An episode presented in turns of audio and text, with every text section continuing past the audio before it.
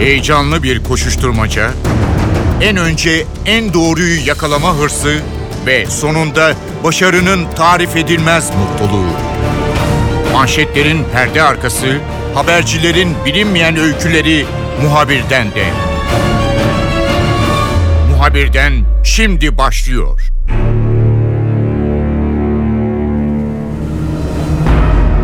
Amerika Birleşik Devletleri Bağdat'ta yaptığı askeri operasyonda bölgede önemli bir ismi General Kasım Süleymani'yi öldürdü. Kasım Süleymani ilginç bir isim.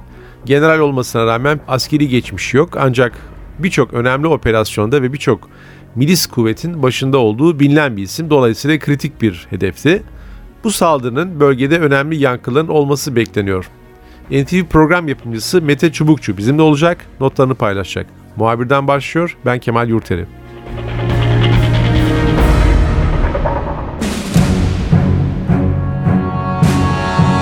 Mete Bağdat'ta önemli bir olay yaşandı ve önemli bir İranlı general Amerika Birleşik Devletleri tarafından bir operasyonla öldürüldü. Nokta hedefi aracı vuruldu.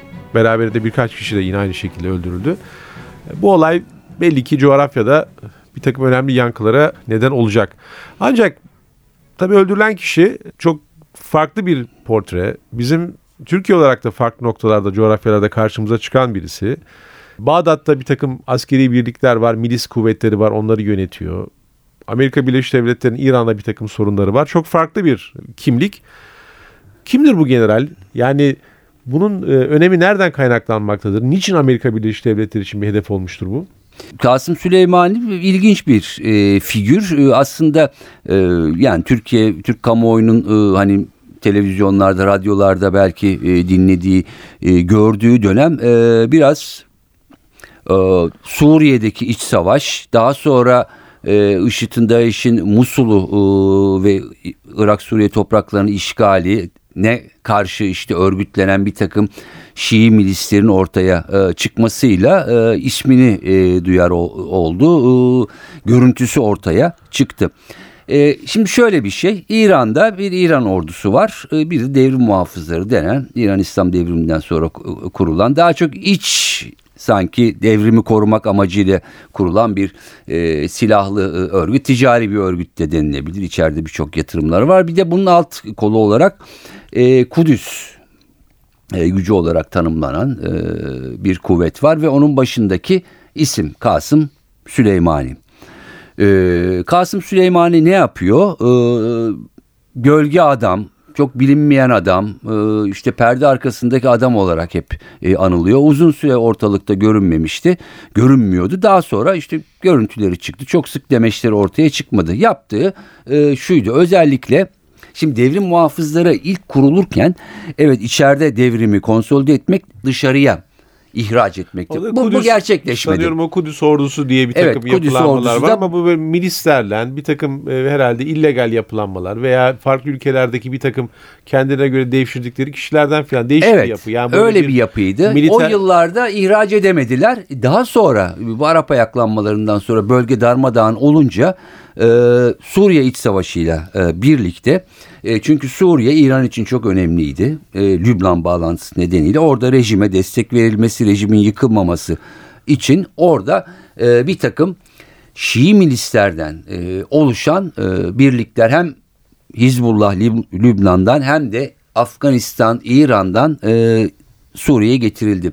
Bunları organize eden kişi de Kasım Süleymani'ydi. Yani en azından e, askeri anlamda, ideolojik anlamda e, savaştıran, cepheleri e, belirleyen, hangi bölümlere ağırlık verilmesini e, gerektiğini söyleyen, e, Beşar Esad'la da e, zaman zaman görüştüğü fotoğraflarından da haberlerden de ortaya çıktı. Birincisi buydu. İkincisi İran'ın Irak üzerindeki e, etkisi çünkü yüzde 60 Şii olan bir ülke e, Irak. Oradaki dengenin sağlanması e, evet ilk başta askeri olarak çok etkisi olmadı ama bu e, IŞİD DAEŞ e, mevzuundan sonra bizzat orada da işte Haçlı Şabi denen farklı gruplardan oluşan Şii paramiliter güçler oluşturuldu. Irak ordusunun yanı sıra IŞİD'e karşı Irak'ta savaşmak için bunları da örgütleyen planlayan, askeri planlarını ortaya çıkaran isim e, buydu. O dönem Amerika'dan çok tepki gelmedi çünkü onlar da IŞİD'e karşı e, savaşıyorlardı. Bu durumdan da çok rahatsız değil gibilerdi. Sırf onunla kalmadı. Lübnan'da Hizbullah'la ilişkisi vardı. Yemen Savaşı'nda çok görmedik ama Yemen Savaşı'nda muhtemelen onun alt kadroları gitti. Yeme, Yemen'de e, işte Husi denen grupları e, örgütledi. Yani bölgede e, ordular dışında paramiliter güçleri, Şii güçleri örgütleyen isim olarak böyle biraz da efsane olarak ortaya e, çıktı. E, tabii efsane olması nedensiz değildi. E, Suriye'de alan kazandı. Yani Esad rejimi e, ayakta kaldıysa tabii ki Rusya çok önemli ama e, alanda savaşan e, bu Şii milisler önemliydi. E, Hizbullah zaten kendi başına e, bir güç. Irak'ta özellikle dediğim gibi IŞİD'e karşı savaştı ama daha sonra ne oldu?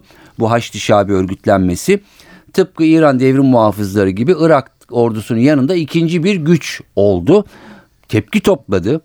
Ee, Haçlı Şabi daha sonra terör örgütü ilan edildi ve Irak hükümeti bunu kendi ordusu içine almayı planladı. Bunu da e, halka açıkladı. E, bütün bunların toplamında e, bu isim bir efsane gibi e, büyüdü. Bir takım askeri e, başarılardan e, dolayı ama bütün bunları yaparken de e, Amerika'nın, İsrail'in e, radarına e, girdi ve e, en büyük hani tırnak içinde hedeflerden, düşmanlardan e, birisiydi. E, işte bu son gelinen noktaya da tabii adım adım e, gelindi. Çünkü daha önce belki hedefti ama Amerika bunu e, hayata geçirmiyordu ya da geçirmeyi göze al, alamıyordu. İşte bu en son e, elçilik baskınından sonra e, hayata geçirildi. Mete anlattıklarından ben biraz e, İran diplomasisini bir yumuşak güç olarak ele alsak hani diplomasiyi. Hı. Bir de askeri operasyonları milisler örgütlemek, yerel bir takım işbirlikçiler bulup bir takım coğrafyalarda bir takım operasyonlar düzenlemek dersek de bu da herhalde onun biraz e, sert gücünü simgeleyen Tabii. bir isim haline gelmiş. Ama bu tek bir isim değil muhtemelen. Tabii ki. Yani tek başına bütün bunları yapması zaten zor.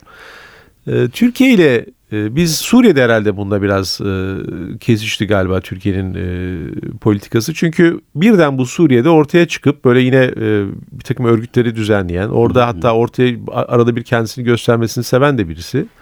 Orada halktan da veya etrafında kimler varsa bunlardan da ilgi görüyor. Suriye'de ne yaptığını kısaca özetler misin? Ne yapmaya çalıştı veya? Şimdi e, normalde e, Türkiye'nin pozisyonu, Ankara'nın pozisyonuyla Tahran'ın Suriye'deki pozisyonuna bakarsak bir yanda Astana süreciyle birlikte hareket ettikleri e, noktalar var.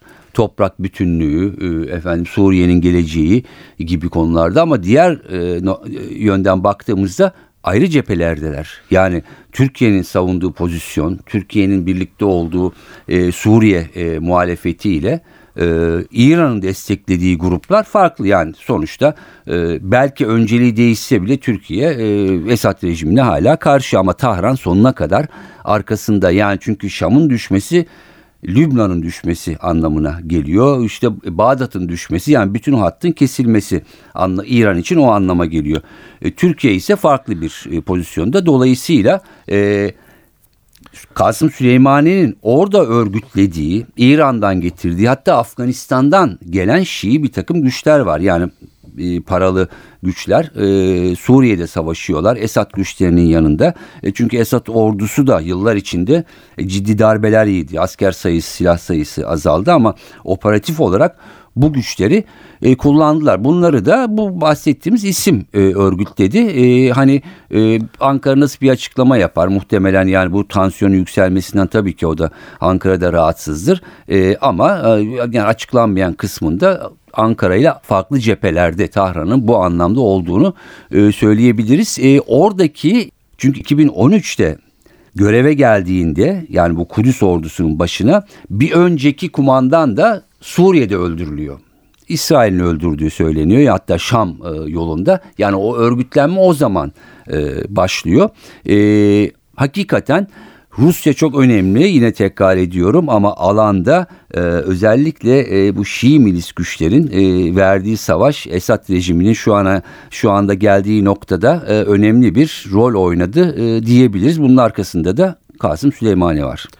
Mete biz tabii general Kasım Süleymani diye dediğimiz zaman alışkanlıkla böyle düzenli bir orduda hani bir askeri eğitim almış veya e, kademelerden gelerek e, general olmuş birisini anlıyoruz ama bu öyle birisi değil anladığım kadarıyla. Bunun generalliği veya bunun gücü e, İran'daki rejime olan bağlılığından veya herhalde o rejimin çekirdeğini oluşturan e, felsefeye olan bağlılığından kaynaklanıyor. Çünkü bunu anlaşıldığı kadarıyla birden bir tümenin komutanı yapıyorlar. Evet.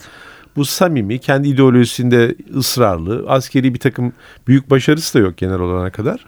Bu tür portreler e, Orta Doğu coğrafyasında e, nereye denk gelmekte? Yani ikinci sorumda şu olacak. E, mesela Irak'ta, Bağdat'ta bir milis güce bir İranlı general komuta ediyor. Komuta ediyor. Ha, orada dolaşıyor falan Evet. bir şeyler yapıyor. Yani bu coğrafyada bunlar neye denk geliyor? Yani Bize biraz bir perspektif bu verir misin? tabii Orta Doğu coğrafyasında özellikle Amerikan işgaliyle başlayan e, daha sonra artık Ar- Arap ayaklanmalarıyla farklı şeyler e, olsa bile e, diktatörlükler, baskı rejimleri vesaireler e, kısmen yıkılmış olsa bile yani var olan bir statükonun tamamıyla dağılması sonucunda ortaya çıkan bir manzara. Yani e, mezhepçiliğin işin içine olmadığı kadar e, girmesi ki senin dediğin gibi İranlı bir general onu da konuşuruz. Hani nasıl bir e, general? E, Bağdat'ta e, iniyor. E, çok rahat e, işte havaalanından çıkıyor. Çünkü Yani oradaki or- milislere bir takım Bir de e, ordunun içerisinde bir takım başka bir mesela dini referans alan bir grup var. Hani onlar da Şiiyiz biz diyorlar. İşte merkezi orduya dahil olacaklarsa da muhtemelen merkezi ordunun komutanlarını dinlemez onlar. Tabii ki. Tabii ki. Yani şimdi zaten e, mesela Irak'taki yapılanmada Irak ordusu var. Bir de Haçlı Şabi örgütlenmesi yani bu Şii milis örgütlenmesi. E, Irak'ta gösterilerde İran protesto edildi. İstemiyoruz bu ülkenin bizim iç işlerimize karışmasını. Bu ordunun o ortadan kalkması gerektiği e, iddiası. E, ama e, biliyoruz ki işte IŞİD'e karşı savaşta daha sonra Kimileri de şunu iddia ediyor hatta e, hükümetlerin atanmasında bile bu Şii milis grupları ve Kasım Süleymani'nin bir takım etkisi baskısı olduğu söyleniyor. Yani bizzat Irak'ın iç işlerine aslında e, askeri ve siyasi olarak müdahale eden bir yapı var. İran'da burada. Geçen hafta şu yorumu yapmıştık elçilik baskınından sonra Amerika ile İran kendi hesabını Irak üzerinden görüyor. Kim daha burada hakim olacak gibi. Şimdi bu duruma geldi ama baktığımızda Suriye'de milis örgütlenmesi, Yemen'de var. Ee, evet Lübnan'ın kendine has bir ö- yapısı var ama orada da e, bağlantıları var. Yani burada e, resmi ordular dışında gayri resmi ordular diyebileceğimiz sivil e, bir kısmı parayla e, savaşan e, yapıları e, yani vekalet savaşları e, diyorlar. Yani orduların e, yanında sanki onlar yokmuş gibi e, örgütlenen bir takım yapılar. Orta Doğu bu hale geldi ve bu şekilde devam ediyor. Bütün ülkelere neredeyse bu durum e, yayıldı. Bir düzenin kaybolması, otoritenin kaybolması, iki mezhepçiliğin çünkü baktığımızda Kasım Süleyman'ın çizgisine e, daha çok e, Şii olan bölgelerde etkili. Oradaki direnişleri Oradaki e, rezervi hemen harekete geçirmeye meraklı bir onları harekete e, geçiriyor. E, bunun kaynağı da tabii ki İran'dan e, geliyor. Mesela İran'daki protestolarda geçtiğimiz aylarda e, en çok e, atılan sloganlardan birisi e, paralarımızı işte Gazze'ye, paralarımızı Suriye'ye değil ülkeye harcayın. Orada para harcanmasını istemiyoruz gibi sloganlar atılmıştı. E, keza Irak'ta da yapılan protestolardaki Şii göstericiler de İran'ın karışmasını istemiyoruz dediler. Necef'te e, Basra'da konsolosluklar saldırıya uğradı. İran konsoloslukları. E, şimdi bütün bunlar bütün bu dalgayı tamamıyla e, bu Amerikan elçiliğine yapılan saldırı ve Kasım Süleyman'ın öldürülmesi gündemden e, düşürdü. E, İran'da e, demin biraz önce bir yazı okudum. E, özellikle sertlik yanlısı ve muhafazakarların elini güçlendirdiği e, iddiası var Amerika'nın bu saldırısının. Çünkü bütün diğer ekonomik sorunlar vesairenin üstü örtülecek Amerika'ya karşı yeni bir e, ne bileyim e, ayağa kalkış e, sloganları e, konuşmaları yapılacak diye.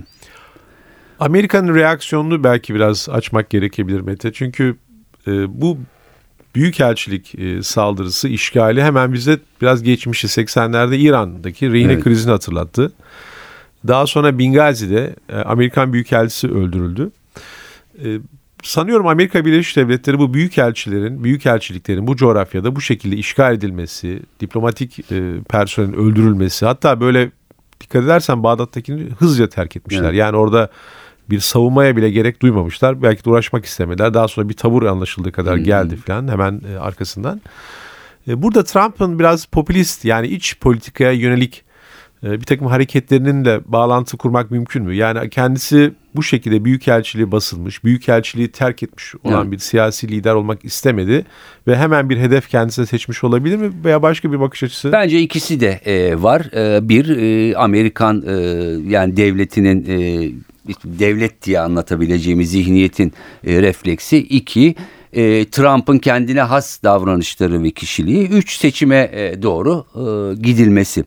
Birincisinden başlayacak olursak hızlıca evet bu bahsettiğin travmalar önemlidir. Yani özellikle Bingazi baskını e, Hillary Clinton Dışişleri Bakanı yazışmalar var. Büyük orada aslında e, bir takım açık noktalar var ve ondan sonra Obama mesela askerleri Orta Doğu'dan Afganistan'dan yavaş yavaş çekmeye başladı. Yani biz artık burayı boşaltacağız e, diye. Trump da biz para harcıyoruz geri çekeceğiz falan diyordu ama bundan sonra ne yapacak bilmiyorum. Şimdi bu e, Bağdat e, e, baskını e, Büyükelçiliğe gelen bence son damla oldu. Çünkü ambargodan sonra bakıyoruz mesela Basra Körfezi'lerinde bir takım tankerlerin durdurulması, e, Amerikan drone'unun düşürülmesi, Suudi Arabistan e, petrollerine yönelik roketli saldırılar vesaireler Trump mesela buralarda hiçbir şey yapmadı. Yani karşılık bile vermedi, vereceğiz dedi vesaire dedim. Belki bu durumda İran'ı ve Kasım Süleymani rahatlattı. Kasım Süleymani belli ki e, hani Amerika böyle bir şeye kalkışmaz düşüncesiyle bu kadar açıktan Bağdat Havaalanı'na inip açıktan bir konvoyla e, yanında işte Haçlı Şabi komutanıyla birlikte e, gidiyordu. E, şimdi Trump'ın ekibi şahin bir ekip bir şekilde. Yani Amerika'nın gücünü tırnak içinde hissettirmiş hissettirmek istemiş olabilirler. Buna bir karşılık vermek gerektiğini e, düşünmüş olabilirler.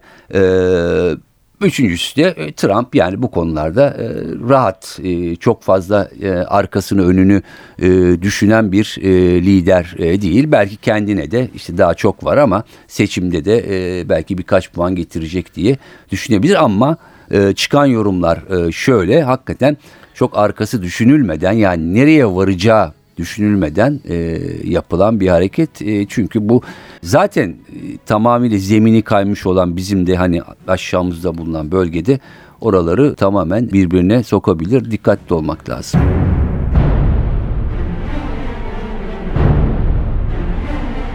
Amerika Birleşik Devletleri'nin Irak'ta İranlı General Kasım Süleymani'ye yönelik operasyonun ne anlama geldiğini, niçin böyle bir hedef seçildiğini ve önümüzdeki günlerde hangi gelişmelerin yaşanacağını Mete Çubukçu ile konuştuk. Ben Kemal Yurteri, muhabirden de yeniden görüşmek üzere, hoşçakalın. Haber için değil de haberin hikayesi için şimdi onlara kulak verme zamanı. Muhabirden NTV Radyo'da.